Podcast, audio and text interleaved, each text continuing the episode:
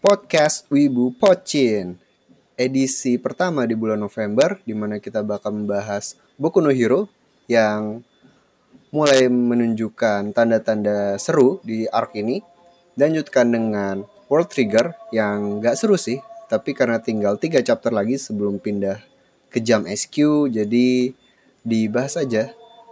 Dan ada juga Hunter x Hunter yang saking ribetnya gue sampai menghabiskan waktu setengah jam cuma buat membahas satu ability dari seorang karakter.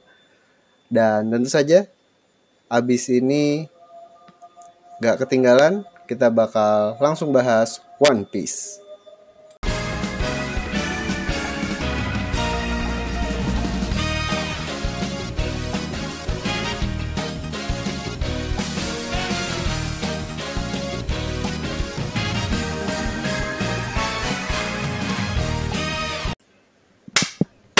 Manga Review. One Piece Chapter 923 Judulnya Yonko Kaido versus Monkey D. Luffy. Kita mulai dari color, sorry, dari cover page-nya dulu. Masih masih serial cover request. Isinya AS AS Luffy Sabo waktu kecil mainan kumbang tanduk. Nothing special here jadi kita langsung aja masuk ke chapternya yang lanjutin dari chapter sebelumnya ya ya iyalah maksudnya uh, benar-benar uh, it, it pick up where it left off uh, melanjutkan pertarungan antara Luffy dan Kaido yang ternyata skenario gue uh, ada yang nyangkut. Jadi di sini nggak ada Luffy menyelamatkan sorry Lau menyelamatkan Luffy atau hal-hal lainnya atau Kaido menjadi mabok terus menjadi beat komedi. Ternyata memang lanjut mereka fight dan uh ini chapter gokil juga sih setelah chapter yang kemarin dan kemarinnya lagi Oda masih bisa mendeliver chapter yang top banget. Uh, chapter ini straight into action jadi halamannya sendiri gak banyak cuma 14 uh, tapi ini karena banyak yang double page jadi kalau kalian sering baca kan ada yang uh, vertical gitu kan layoutnya terus kadang-kadang ada yang jadi landscape terus jadi gede banget.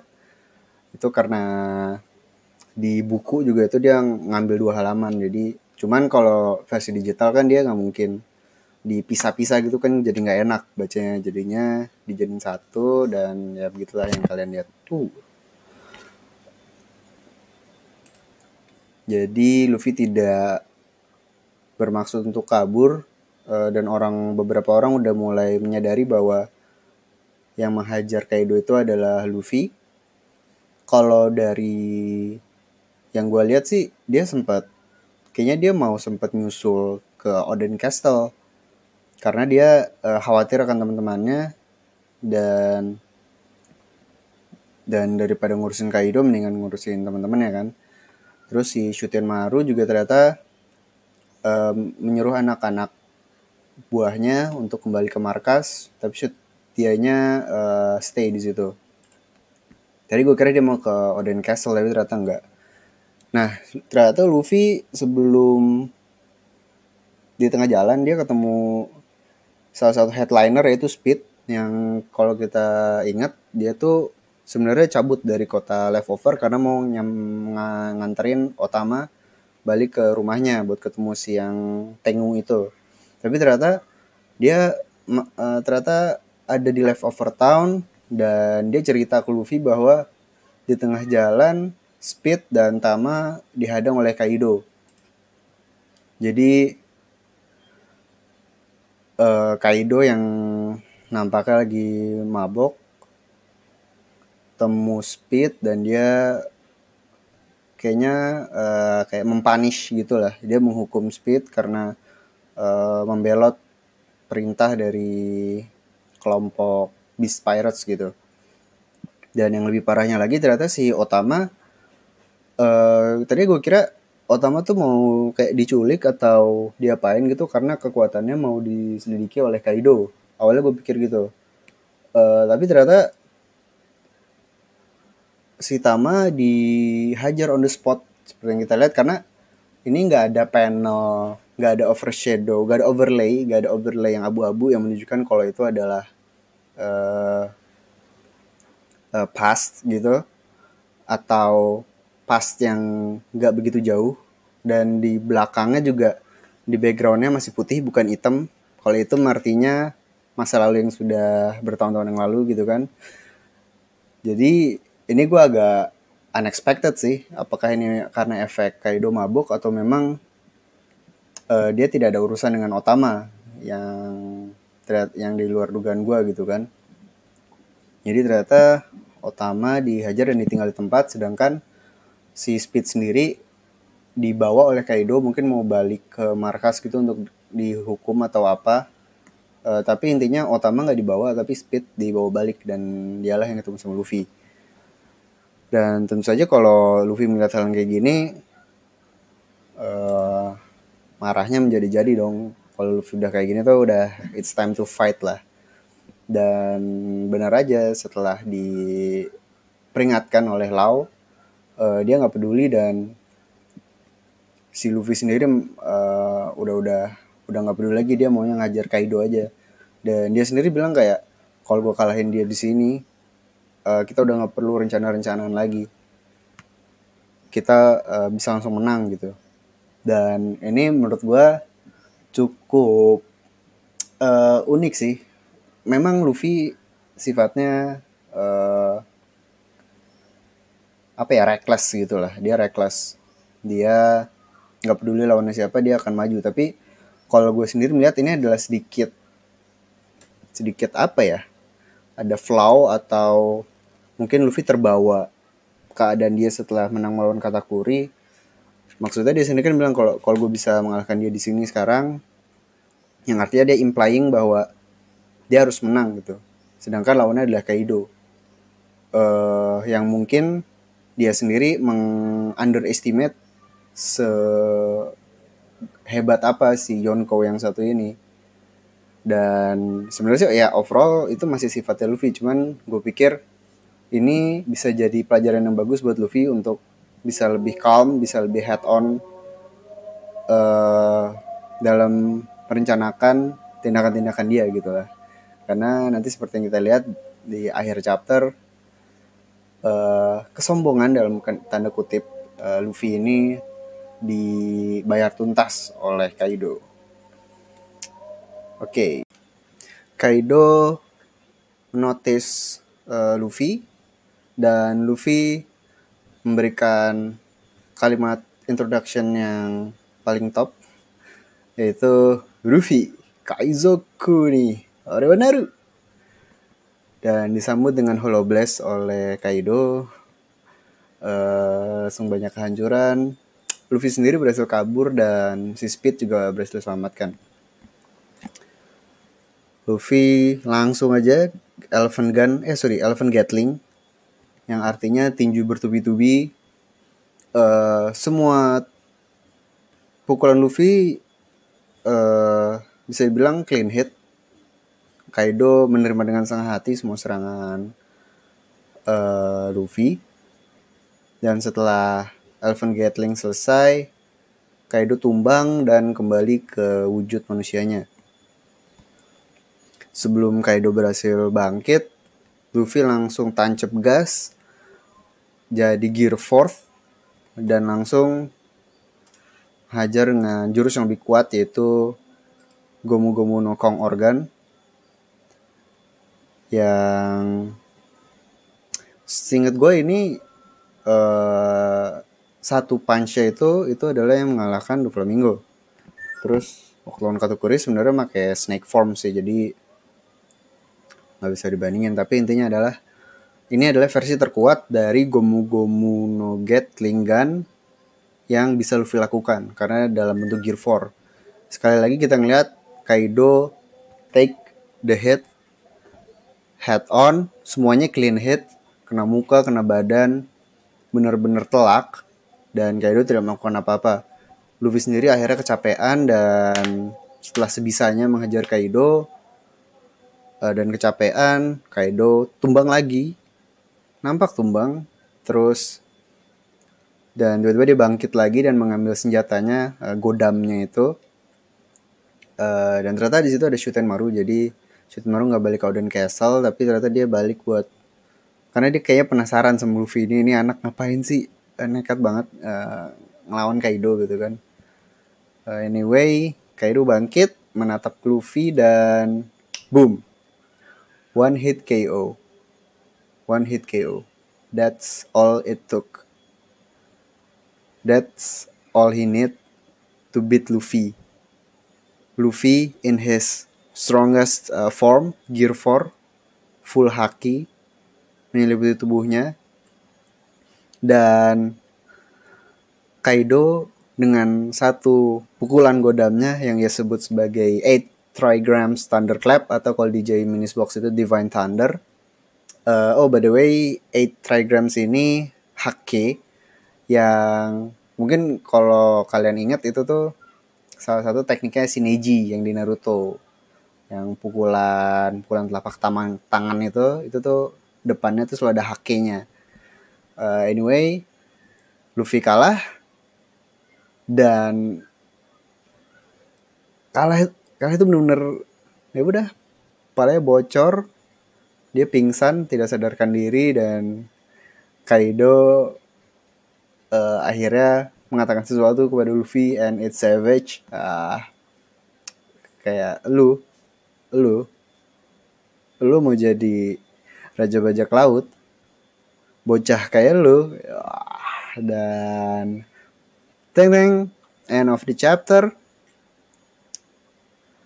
end of the chapter dan seperti yang gue bilang sesuai dengan skenario gue yang gue bilang di uh, episode podcast sebelumnya bahwa mereka berantem dan Luffy kalah.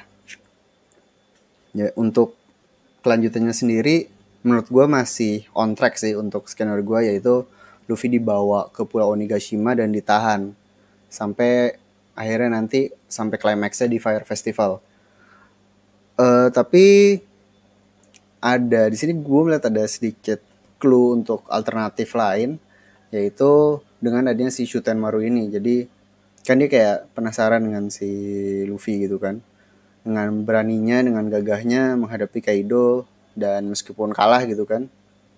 Si Shuten Maru kan sendiri pernah bilang bahwa sudah tidak ada lagi uh, laki-laki sejati di negara Wano tidak ada lagi memimpin Wano. Dan mungkin mungkin aja dia melihat sosok ini di Luffy dan sebelum dibawa Kaido bisa aja Maru membawa kabur si Luffy ini. Jadi dia diselamatin gitu. Mungkin bersama Lau juga. Jadi itu bisa jadi salah satu alternatif skenario uh, untuk apa yang terjadi di chapter berikutnya. By the way gak ada break untuk chapter 924 jadi uh, kita bisa menunggu dengan tenang selama seminggu. Tapi gue yakin sih 925 kayak bakal break karena udah kelamaan udah mau sebulan sebulan jalan terus tanpa ada break. Uh, gue bukannya pengen ada break gitu cuman memang jadwal Oda kan sekarang seperti itu. So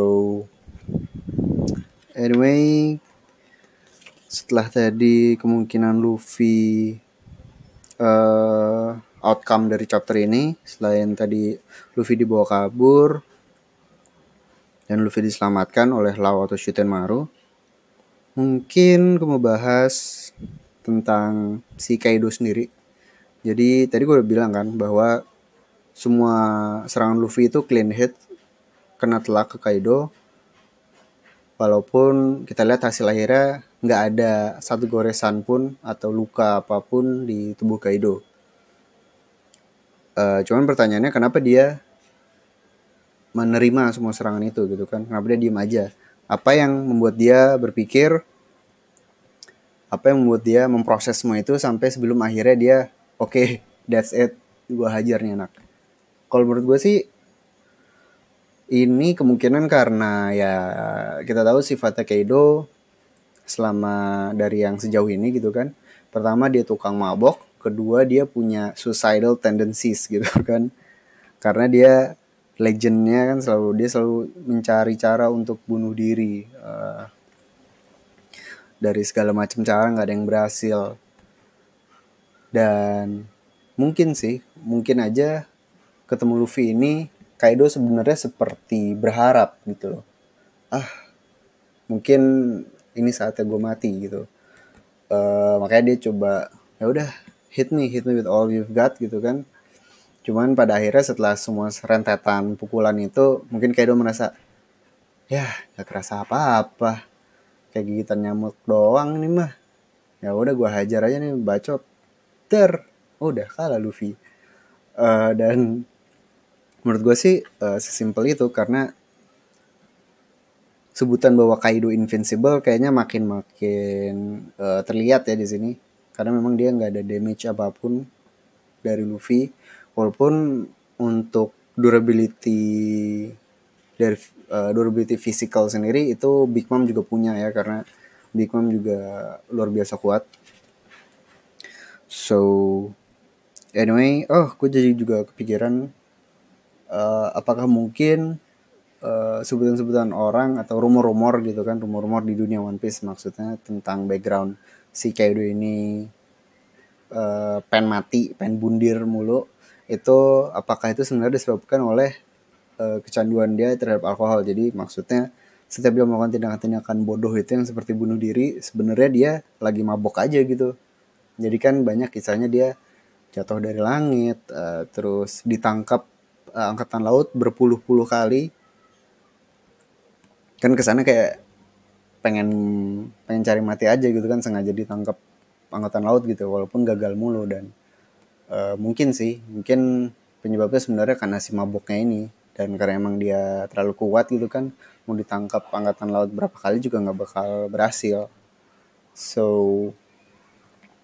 uh, I think that's all. Apalagi ya chapter ini ini sebenarnya yang sempat gue bilang juga sih di saat One Piece uh, udah mulai masuk ke chapter-chapter yang full fight memang nggak banyak yang bisa dibahas tapi sisi lainnya semoga gue bisa jadi ada waktu buat bahas serial-serial yang, lain karena kemarin-kemarin belum sempat kayaknya. Uh, ya, yeah. I think that's all for One Piece chapter 923. Abis ini kita bakal ngomongin Hunter x Hunter mungkin, Boku Hero, dan serial-serial lain. And by the way, look at the time. Cuma 16 menit 17 menit ngomongin One Piece yay ini rekor buat gue uh, oke okay. kita ngomongin yang serial lain berikutnya sip tapi bohong iya iya iya iya, iya. Uh, sebenarnya gue ada yang kelupaan waktu lagi rekaman. Tadi sebenarnya masih ada satu hal yang pengen gue bahas tentang chapter ini. Tapi nggak nyambung langsung dengan konteks di chapter ini sih. Tapi lebih ke kalahnya Luffy ini adalah sebenarnya sebuah pola yang sudah diterapkan oleh Oda beberapa kali sejak uh, awal petualangan mereka ini. Jadi uh, jadi sebenarnya kalahnya Luffy dari Kaido ini ya tentu aja uh, bukan sebuah big surprise gitu.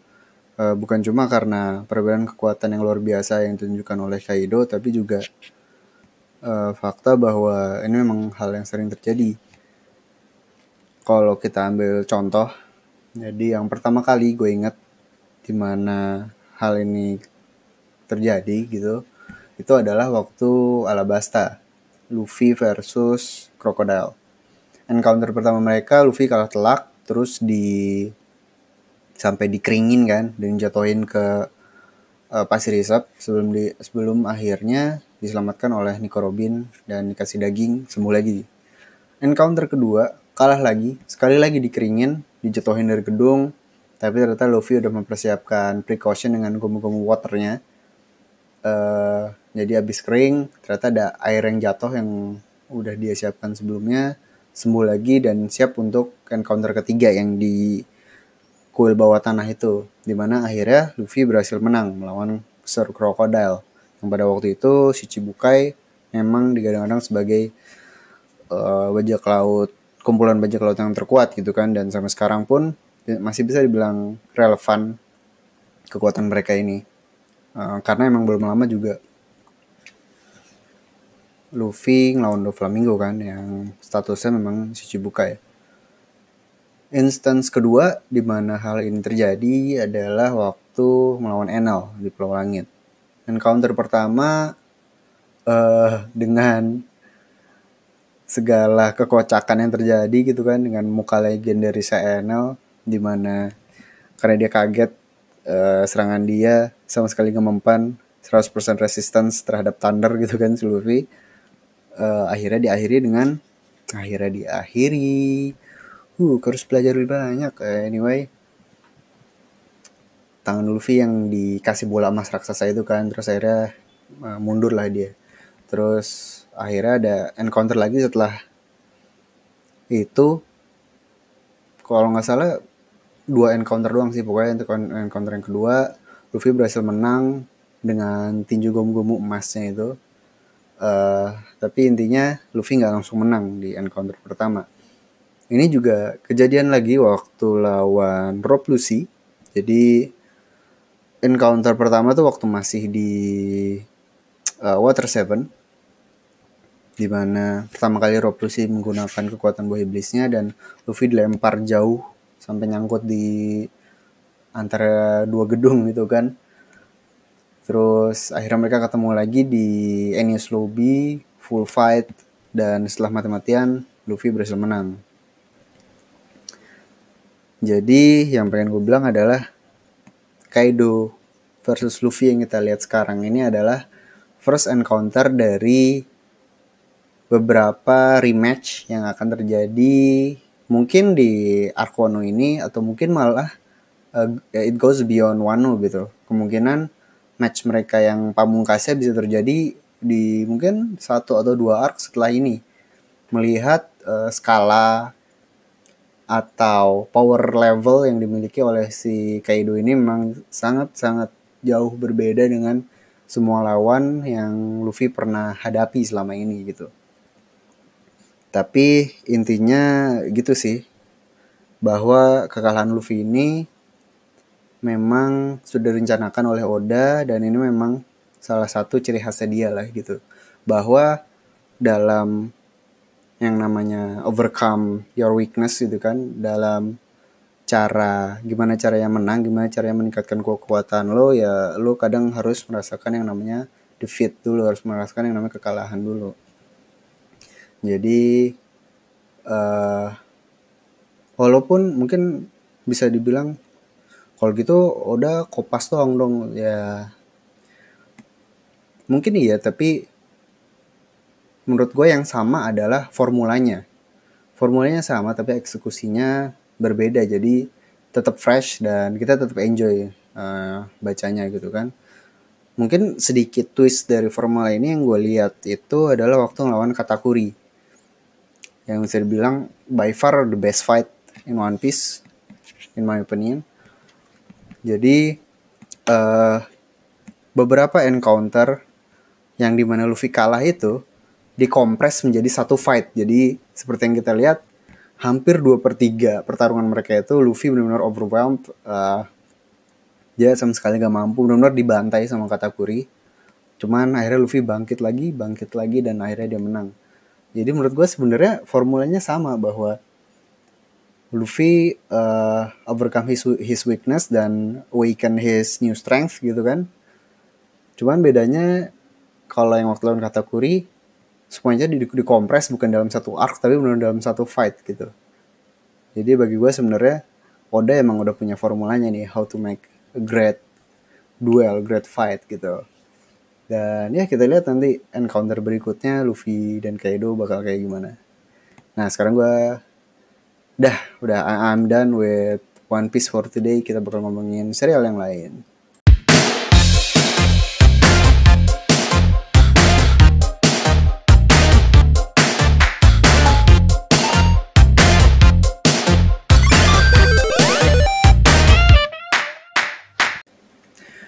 Oke, okay, akhirnya sempat juga waktu buat ngebahas serial-serial selain One Piece.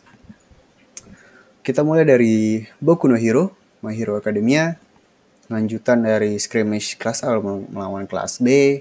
Di sini adalah timnya Ida dan Todoroki melawan kelas B yang memang uh, tim yang ini nggak ada karakter yang notable gitu ya, nggak ada yang menonjol.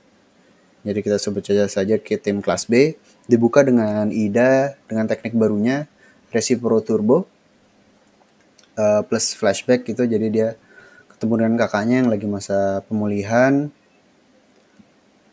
Uh, berada di kursi roda. Tapi dia sendiri inti dari flashback ini adalah bahwa teknik uh, atau quirk dari Ida ini memang quirk turunan keluarga bergenerasi sudah beberapa generasi gitu. Dimulai dari kakeknya kakeknya mereka gitu jadi seenggaknya dua atau tiga generasi kekuatan ini sudah diturunkan. Jadi sudah ada teknik-teknik untuk gimana cara power up gimana cara upgrade gimana cara menjadi gimana cara memaksimalkan uh, quirk ini gitu. Dan akhirnya kakaknya Ida mengajarkan bahwa ada satu cara untuk meningkatkan kemampuan mesinnya yaitu dengan tune up. Di sini tekniknya sendiri caranya dengan menyopot knalpot nyopot knalpot yang ada di kakinya Ida ini. Semuanya dicopot terus setelah dicopot uh, berlatih dan nantinya bakal tumbuh bakal tumbuh knalpot yang baru. I know it sounds weird, weird tapi uh, gitulah intinya dan sebenarnya kalau kita lihat lebih dalam ini sadis banget loh.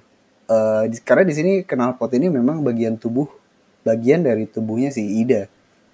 Jadi dengan nyopotnya tuh kan diliatin dia uh, nyopotnya di hutan di tempat yang sepi gitu. Dia udah nyiapin alat-alat P3K dan dia juga udah uh, gigit anduk gitu. Jadi kalau teriak atau apa eh, nggak uh, bakal ada yang nyamperin atau apa gitu uh, biar nggak mengkhawatirkan orang gitu kan. Karena emang sifatnya ida gitu. Jadi kelihatan banget sih ini emang proses yang luar biasa menyakitkan dan brutal menurut gue untuk menjadi lebih kuat. Tapi uh, it pays off karena kemampuan Ida jadi jadi jauh-jauh jauh lebih cepat dan lebih kerennya lagi full speednya Ida ini sekarang bisa bertahan selama 10 menit. Ini keren banget sih. Bener-bener full upgrade dan cuman lucunya dia belum bisa mengendalikan teknik yang baru ini jadi uh, bener-bener agak apa ya sporadis serangannya ada yang kena ada yang enggak ngelawan si uh, Madman ini dan akhirnya sebelum sempat ditangkap si Madmannya kabur.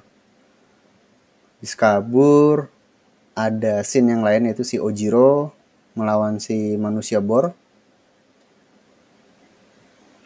Ojiro sendiri kayaknya benar-benar tertekan dan gue nggak begitu paham sih yang yang bagian dia bilang kayak dia merasakan sesuatu. Kenapa uh, apa apa rasa yang sakit ini di, di, di dalam hatiku gitu.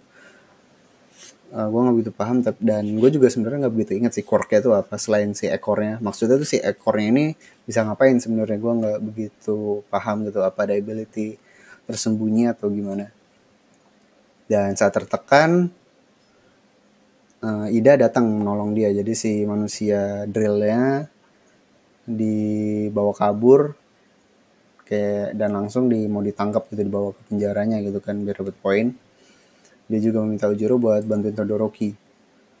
Uh,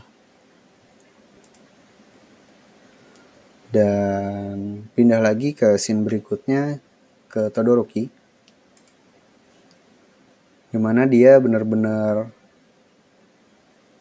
ditekan oleh Tetsu Tetsu karena ternyata semua S-nya itu serangan S-nya nggak ada yang mempan sama Tetsu Tetsu karena dia bilangnya dia adalah metal jadi uh, es tidak akan mampu membukukanku dan aku bisa dengan mudah menghancurkan tembok esmu.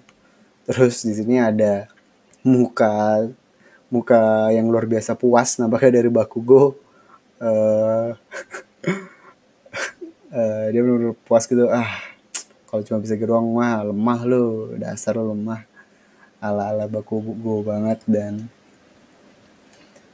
setelah airnya Todoroki mengeluarkan apinya untuk pertama kali di match ini uh, ternyata masih nggak mempan karena Tetsu Tetsu punya teknik baru di mana uh, dia bisa menyerap panas dia bisa menyerap panas dan akhirnya tubuhnya jadi merah gitu. Mungkin anggapannya kayak baja gitu ya baja yang di mau dilelehkan gitu. Jadi kan jadi warnanya jadi merah tuh. Dan dia juga bilang dia jadi punya ability baru karena tonjokan dia dan dirinya sendiri bukan cuma menjadi keras tapi juga jadi panas. Uh, oh di sini juga ada sedikit jokes dari Horikoshi Sensei. Dia bilang si Tetsuya bilang adalah uh, kali ini gue adalah cincin. Gue baca pertama otomatis langsung ketawa sih karena kalau yang sering baca mungkin uh, contoh paling sering tuh dipakai Gintama. Gimana kata cincin ini sering dipakai yang di mana artinya adalah uh, uh, aduh apa ya? Ini gue eksplisit apa gimana ya? Uh, ya udahlah alat kelamin pria gitu dan ternyata di bawahnya ada kayak sejenis editorial text gitu. Uh, yang kayaknya dari ini nih sa, uh, tulisan dari Horikoshi Sensei sendiri gitu. Dia bilang bahwa eh cincin ini bukan kayak yang pikir ya. Karena memang benar bahwa di beberapa daerah di Jepang cincin itu artinya uh, panas membara gitu jadi kayak tergantung logatnya lah. Di daerah-daerah ada yang beda-beda gitu. Uh, tapi tetap aja sih kalau emang gak pengen menggunakan kata itu pasti nggak bakal digunakan kan? Jadi so ya yeah, nice jokes there from Horikoshi Sensei. Terus uh, saat satu setsu makin ditekan makin menekan Todoroki uh, Todoroki tiba-tiba teringat uh, flashback dengan ayahnya bahwa Todoroki itu memiliki kekuatan jauh lebih hebat. Cuman uh, lu nggak nggak pernah sadar gitu. Dan kayaknya sih next chapter nih benar-benar kita akan melihat teknik baru dari Todoroki yang gue jadi bingung sih sebenarnya ini teknik ultimate ini udah diajarin atau belum sama si Endeavor. Tapi yang jelas kemungkinan minggu depan kita bakal melihat counter dari Todoroki yang bisa mengalahkan Tetsu Tetsu gitu uh, ada beberapa yang nulis teori gitu walaupun ternyata memang bukan teori-teori amat sih karena sudah pernah di state di puluhan chapter yang lalu eh ratusan chapter yang lalu bahkan waktu school festival yaitu uh, tujuan awal dari Endeavor menginginkan anak yang punya kekuatan es dan api adalah agar dia bisa mengendalikan uh, suhu tubuh internal.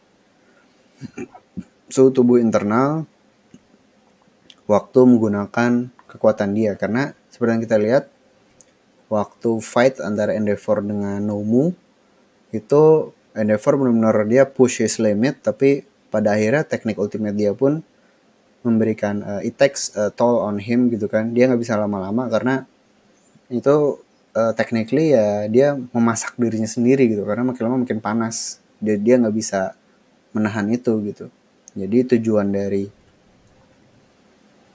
uh, lahir atau Doruki ini adalah dia merasa bahwa ini akan menjadi quirk yang sempurna karena uh, anggaplah teknik Endeavor yang ultimate-nya itu yang berhasil mengalahkan Nomu kemarin tapi nggak ada efek sampingnya. Jadi karena waktu menggunakan teknik itu Todoroki bisa menggunakan kekuatan S-nya untuk menormalkan suhu tubuh internalnya jadi dia bisa mengeluarkan output yang lebih besar dari Endeavor, lebih lama juga, tapi tidak ada efek samping karena suhu tubuhnya bisa tetap normal karena dibantu dengan kekuatan S-nya. Kira-kira kayak gitu. Jadi dan ada juga yang bilang bahwa kebalikannya juga bisa terjadi yaitu Todoroki bisa menggunakan ultimate ice technique uh, yang ult, uh, tek, uh, apa ya bisa dibilang ultimate freeze lah kayak zero kayak nol derajat gitu. Uh, tapi tanpa perlu membekukan si Todoroki sendiri karena dia bisa menghangatkan dirinya dengan kekuatan api kira-kira kayak gitulah. Dan kita lihat aja teknik apa yang bakal dikeluarkan Todoroki pada chapter berikutnya. Uh, anyway ini ini sebenarnya chapternya masih relatif pendek 15 halaman.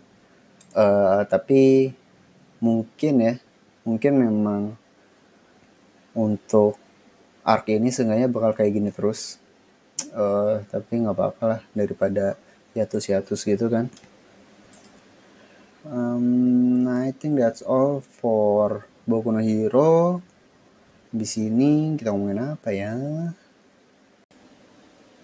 Mungkin world world trigger dulu kali ya. Chapter 166 jadi ini adalah chapter kedua dari 5 chapter yang bakal terbit di Shonen Jump sebelum akhirnya pindah ke Jump SQ uh, eh, bulan depan.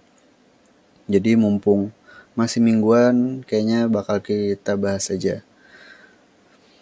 Oke, jadi chapter ini benar-benar seperti yang dibilang oleh preview chapter sebelumnya bahwa chapter ini ya isinya strategi dari tiap tim dan ya udah isinya emang beneran itu ya bener-bener ya udah tiap tim membahas strategi mereka kayak gimana counternya apa equipmentnya uh, posisi dan segala macem gitu. Tapi seenggaknya akhir dari chapter ini adalah udah pada spawn di map jadi uh, tiga chapter ke depan dipastikan full of action. Dan kalau bisa langsung selesai kali ya. Tapi sayang sih kalau langsung selesai udah lama nggak nikmatin rank warsnya rank warsnya World Tiger ini karena seru. Uh, ya udah sih gitu aja. World Tiger 166 dan selanjutnya bakal bahas Hunter x Hunter chapter 387 jadi chapter 387 ini kalau kita ngikutin polanya si Togashi uh, eh, 2-3 tahun ke belakang kemungkinan chapter 390 bakal jadi chapter Hunter x Hunter terakhir di tahun 2018 ini ya gue sih udah udah nggak berharap macem-macem gitu ya kalau memang jadwalnya Hunter x Hunter adalah serial tahunan uh, yang terbit sebanyak 10 chapter gitu tiap tahunnya ya udah dinikmatin aja gitu kan daripada hiatus dua tahun lagi kayak dulu-dulu banget tuh. So ya, yeah. semoga sisa 3-4 chapter ini bakal seru banget. Dan chapter ini dibuka dengan scene dari Terror Sandwich dan Teta yang sempet bikin gue bingung karena dialognya benar-benar sama gitu kan.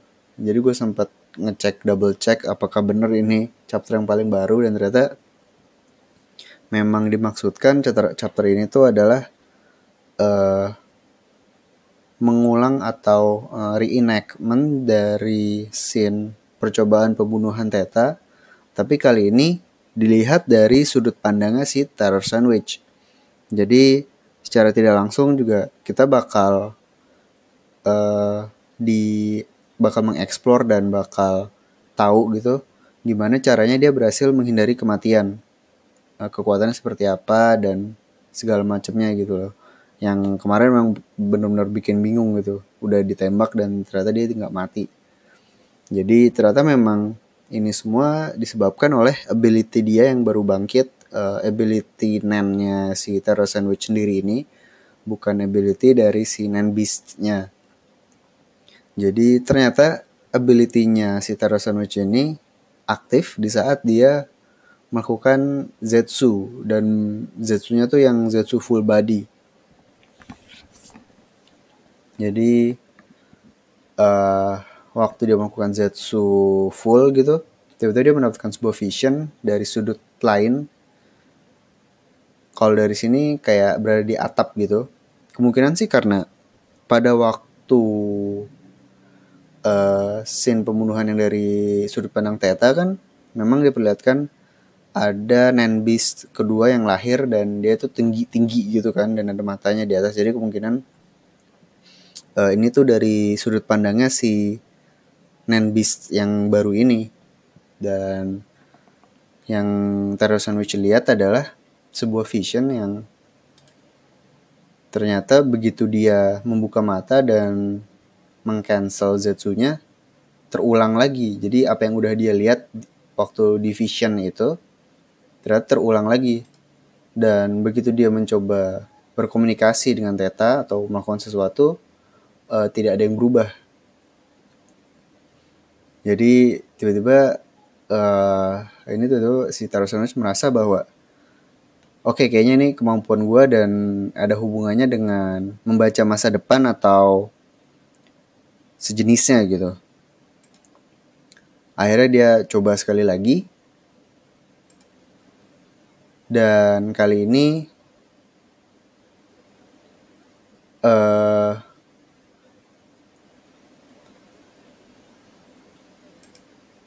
kali ini dia mencoba untuk mengubah masa depan yang sudah dia lihat gitu kan.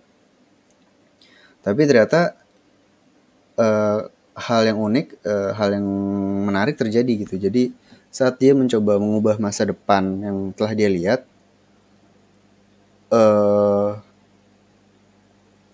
itu uh, berhasil. Maksudnya di sini yang pengen dia coba adalah tetap mengaktifkan Zetsu saat Teta mecahin gelas gitu.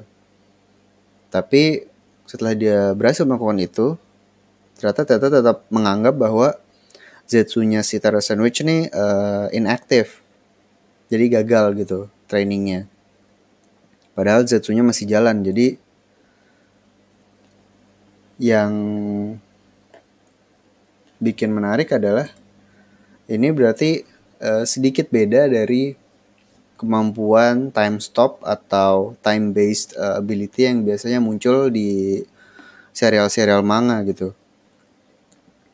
Sebenarnya sih kalau di misalkan kemampuan ini disimplify ini paling mirip sama Zawarudo-nya si Dio dari Jojo kan. Uh, it, simply time stop karena waktu berhenti dia bisa melakukan apa yang dia mau selama beberapa detik terus di resume lagi. Tapi ini bedanya uh, biar lebih kompleks gitu kan. Uh, waktunya tetap berjalan. Waktu dia berjalan waktunya Teta berjalan tapi ada gap 10 detik di mana dia bisa mengubah uh, outcome dari masa depan yang dia lihat gitu. Dan lebih parahnya lagi si lawannya itu uh, mereka nggak bisa ngapa-ngapain untuk mengandu kekuatannya si Sanucci ini karena kalau kita lihat ability ability membaca gerakan musuh atau melihat memprediksi tindakan musuh eh, di masa depan gitu itu biasanya ada weaknessnya yaitu dengan jadi bisa di counter dengan tindakan-tindakan yang unpredictable gitu. Jadi dengan kayak gitu si pengguna teknik juga uh, percuma karena setelah dia membaca masa depan si lawan tinggal melakukan hal yang unexpected jadi tidak sesuai dengan vision yang telah dia lihat gitu. Cuman gilanya ability ini adalah di saat uh, lawan tidak bisa melakukan tindakan yang unpredictable karena uh, mereka bakal tetap melakukan sesuai skenario yang telah dilihat oleh si Terror Sandwich ini gitu loh. Jadi uh, entah gimana cara counternya nanti di saat si dia bakal melakukan battle yang serius dengan karakter yang lebih kuat tapi kemungkinan di chapter depan bakal dilihatin sih. Uh, seenggaknya detail dari kemampuan dia yang lebih lanjut ini. Tapi yang jelas uh, dari informasi yang kita dapat ini aja udah cukup jelas bahwa si orang ini benar-benar powerful dan cuma gue cuma bisa berharap nanti bakal ketemu Hisoka atau Krollo dan have a nice fight ya. Karena bakal gokil banget kalau mereka ketemu. Kayak yang gue bilang di pembahasan uh, di podcast edisi sebelumnya episode sebelumnya si Tarar Sandwich ini gue benar-benar penasaran apakah dia uh, limit dari kekuatannya itu sampai mana? Apakah dia bisa uh, mencapai levelnya Hisoka dan Krollo gitu apakah dia bisa mencapai levelnya Netero atau bahkan dia bisa mencapai levelnya si Merwem dan it, dari uh, segala informasi yang kita dapat sekarang itu semua masih sangat mungkin gitu loh. Karena wah karena emang gokil banget gitu. Benar-benar digambarkan sebagai seorang prodigy sebagai seorang jenius dan lebih parah lagi dia pure jahat gitu. Oke okay, anyway nah ini adalah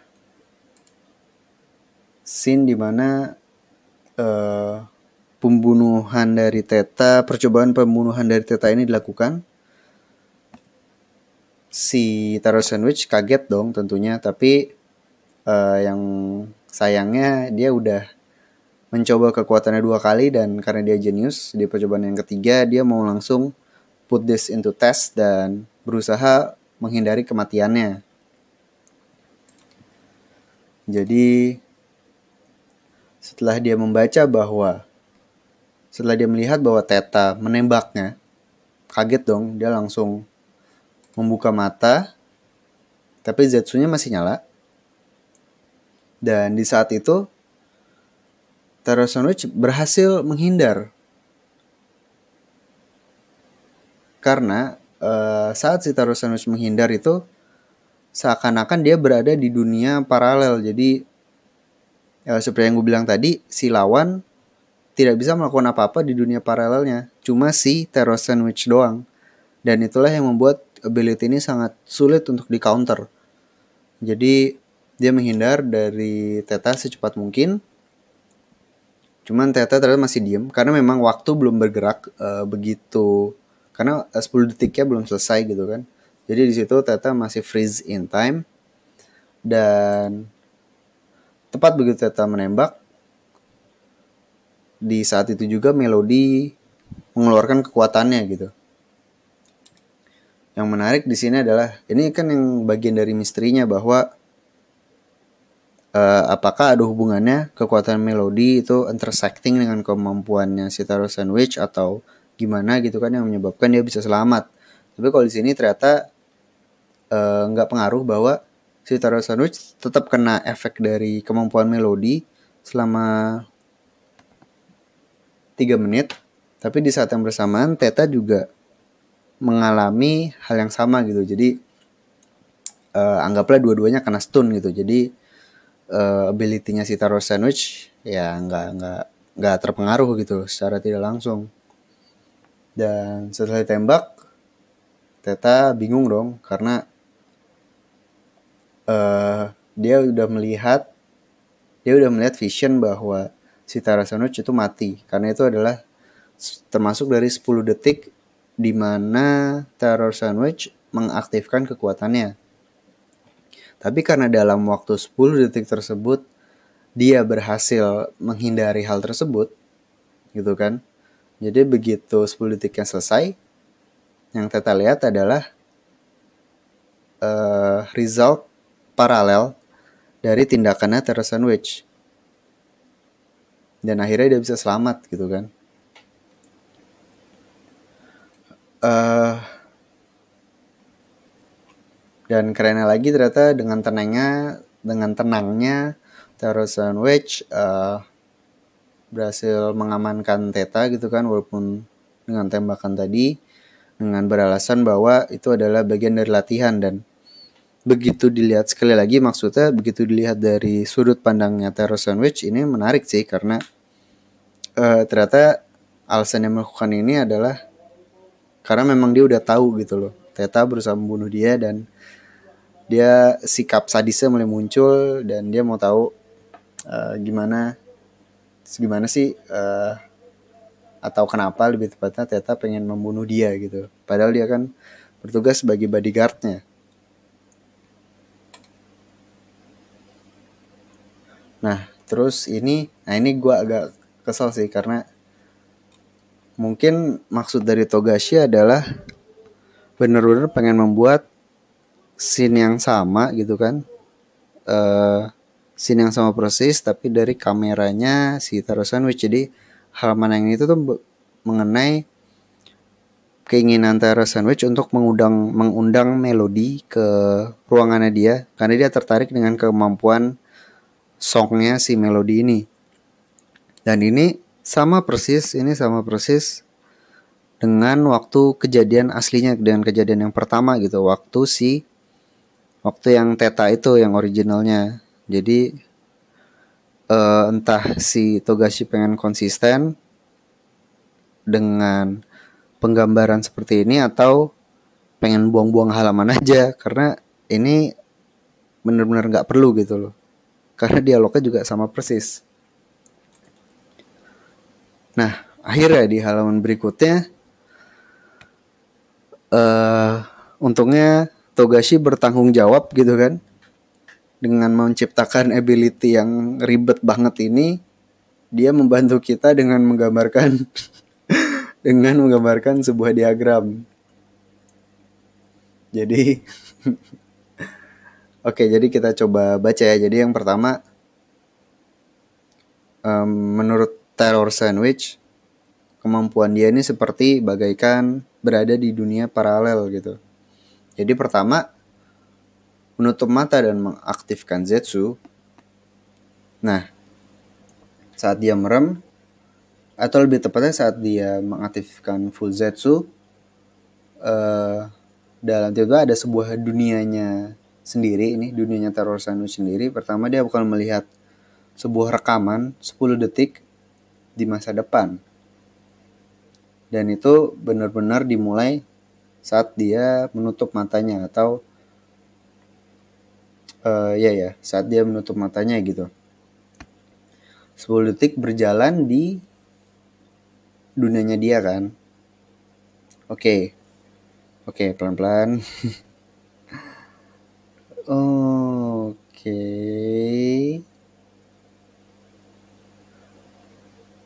Uh, sementara itu Sementara itu di dunia nyata waktu tetap berjalan. Ini gue baca dari diagramnya aja sih. Uh, cuman begitu dia buka mata, dia bakal, uh, anjir tetap pusing. Begitu dia buka mata, dia bakal melihat, uh, dia bakal merelief atau meng mengalami vision yang telah dia lihat sebelumnya tapi dalam real world gitu kan jadi setelah buka mata dia mengalami kayak deja vu gitu keadaan yang sama tapi bedanya adalah saat dia melakukan sesuatu eh, apa pun itu sekitarnya dia lingkungan dia dan orang-orang yang berada di dalamnya akan tetap melakukan apa yang mereka lakukan sesuai dengan vision yang telah dia lihat 100%. Sedangkan si Terror Sandwich bisa melakukan apa pun sesuka dia. Dia bisa melakukan apa pun sesuka dia dan orang-orang tidak akan terpengaruh gitu loh. Nah, setelah itu uh, Zetsunya andan dan akhirnya baru deh waktu berjalan seperti normal gitu. Dan begitu dia mengaktifkan Zetsu lagi, dengan semudah itu uh, ability-nya bisa langsung aktif lagi. Oke. Okay. Dan dengan dan berdasarkan informasi itu akhirnya Terosanus merasa bahwa yang hanya perlu dia lakukan adalah menguasai Zetsu sepenuhnya plus mempertahankan Zetsu selama mungkin. Jadi yang 10 detik itu kemungkinan karena dia baru bisa mempertahankan mempertahankan Zetsu dengan sempurna selama 10 detik. Jadi misalkan dia mengimprove dan bahkan kalau bisa sesuai dengan keinginan Teta waktu latihan gitu walaupun itu cuma alasan doang selama 60 menit gitu misalnya itu bakal gila banget karena ya technically dia bisa mengendalikan dunia atau dunia bakal berhenti selama 60 menit selama sejam gitu full dan itu artinya bakal wah gila banget sih itu benar-benar definition of overpowered ability jadi oke okay, uh, eh, gue bakal coba meringkas kemampuannya Terror Sandwich ini sesimpel mungkin Oke, okay, kita coba ya. Oke, okay, uh, eh, siap. Terror Sandwich mengaktifkan ability-nya dengan cara menutup mata dan nyalain Zetsu. Zetsu itu teknik untuk menghilangkan keberadaan atau menghilangkan aura sepenuhnya dari tubuh gitu. Jadi orang yang punya nen pun bakal kesulitan untuk mendeteksi si orang ini. Oke. Okay. Terus begitu dia merem, dia bakal melihat uh, sebuah vision dari sudut pandang lain sekitar 10 detik yang berisi apa yang tidak dilihat gitu kan uh, setelah ia menutup matanya selama sekitar 10 detik. Setelah dia melihat atau meng melihat ya dia melihat 10 detik itu dia buka mata ternyata yang dia lihat adalah apa yang dia lihat begitu dia tutup mata. Jadi yang telah dia lihat bakal dialami kembali tapi dalam kasus ini bukan vision tapi uh, keadaan dunia, dunia nyata gitu. Keadaan dunia nyata di mana dia begitu melakukan dia melakukan apa pun itu gak ada pengaruhnya atau lebih tepatnya orang-orang tidak akan merasakan si Tarusanus ini melakukan apa pun gitu loh. Karena begitu dia buka mata dia udah dapat cheat lah istilahnya. Dia udah dapet cheat mengenai 10 detik ke depan dia bisa melakukan apa pun dan orang-orang lain tidak bisa melakukan apa pun karena vision ini adalah eksklusif milik si Terror Sandwich. Dan itulah gilanya dari ability ini. Jadi benar-benar seperti time stop. Tapi ham tapi sangat-sangat sulit untuk mengcounter. Gue nggak kepikiran juga sih cara buat mengcounternya. Karena si lawannya ini, lawan yang bakal kena ability-nya ini gak bakal menyadari bahwa si Taro Sandwich akan melakukan sesuatu di rentang waktu 10 detik tersebut gitu. Oke. Okay. Ya, kira-kira gitulah. Dan begitulah uh, sifat Taro Sandwich yang sebenarnya kita udah tahu ini bahwa dia memang orang gila gitu kan benar-benar psycho dia menyadari bahwa kalau dia menguasai ability ini bukan cuma succession war yang bisa dia menangkan tapi bahkan seluruh dunia nah yang menarik adalah uh, di panel terakhir jadi kalimat ini sebenarnya adalah dialog yang dia bilang ke hunter uh, temennya Teta yang sekarang bertugas nemenin dia latihan karena Teta masih disuruh istirahat. Nah, yang pengen dia coba adalah jadi waktu kemarin itu waktu pertama kali terjadi kan kayak bingung ya. Kayak mungkin kayak latihan biasa aja gitu karena dia cuma minta uh, hitungin uh, setelah gue tutup mata hitungin berapa detik atau berapa lama sampai akhirnya gue buka mata Nah, satu detik setelah itu, it's, satu detik setelah itu, ayo kita coba uh, skirmish berantem gitu. Kita coba latihan berantem. Dan si bodyguard ini uh, merasa bahwa, oh, dia cuma pengen sebagai orang jenius gitu, dia merasa bahwa, oh, dia kayaknya udah tahu nih bahwa dalam latihanen pada akhirnya kalau mau menguasai harus mengalami battle experience secara langsung. Padahal ternyata maksud dari si terror sandwich ini adalah dia mau ngetes kemampuan dia sekali lagi dalam battle nyata gitu. Jadi dia dia mau mencoba kan dihitungin berapa detik. Terus begitu dibuka anggaplah 20 detik. Oke, berarti uh, dia memastikan bahwa dia telah mendapatkan semua informasi masa depan yang dia butuhkan. Terus saat akhirnya satu detik telah berlangsung, pertarungan yang bakal dilakukan ini pasti 100% bakal dimenangkan oleh Taro Sandwich. Karena semua gerakan, semua tindakan si bodyguard ini bakal telah diketahui lebih dulu oleh si Taro Sandwich. Jadi bakal benar-benar easy win dan si bodyguard ini bakal luar biasa kebingungan gitu kan kayak dan gue nggak bisa uh, gue benar-benar nggak sabar sih pengen lihat aplikasi ability ini dalam real battle gitu dan gue kebayang sih bakal bakal keren banget uh, Oke, dan mungkin terakhirnya adalah ini kali ya. Kan si Terasanush bilang, aku akan menguasai, aku akan memenangkan perang ini dan selanjutnya dunia, kayak end the world. Gue merasa ini adalah sebuah JoJo reference karena the world adalah stand milik Dio Zawarudo uh, yang kemampuannya juga menghentikan waktu gitu. Jadi menurut gue sih ada kemungkinan ini sebuah tribute atau Easter egg dari si Togashi. Karena belakangan dia sering ngasih Easter egg kayak gini sih. Jadi nice little touch gitu kan dan semoga chapter berikutnya lebih seru lagi.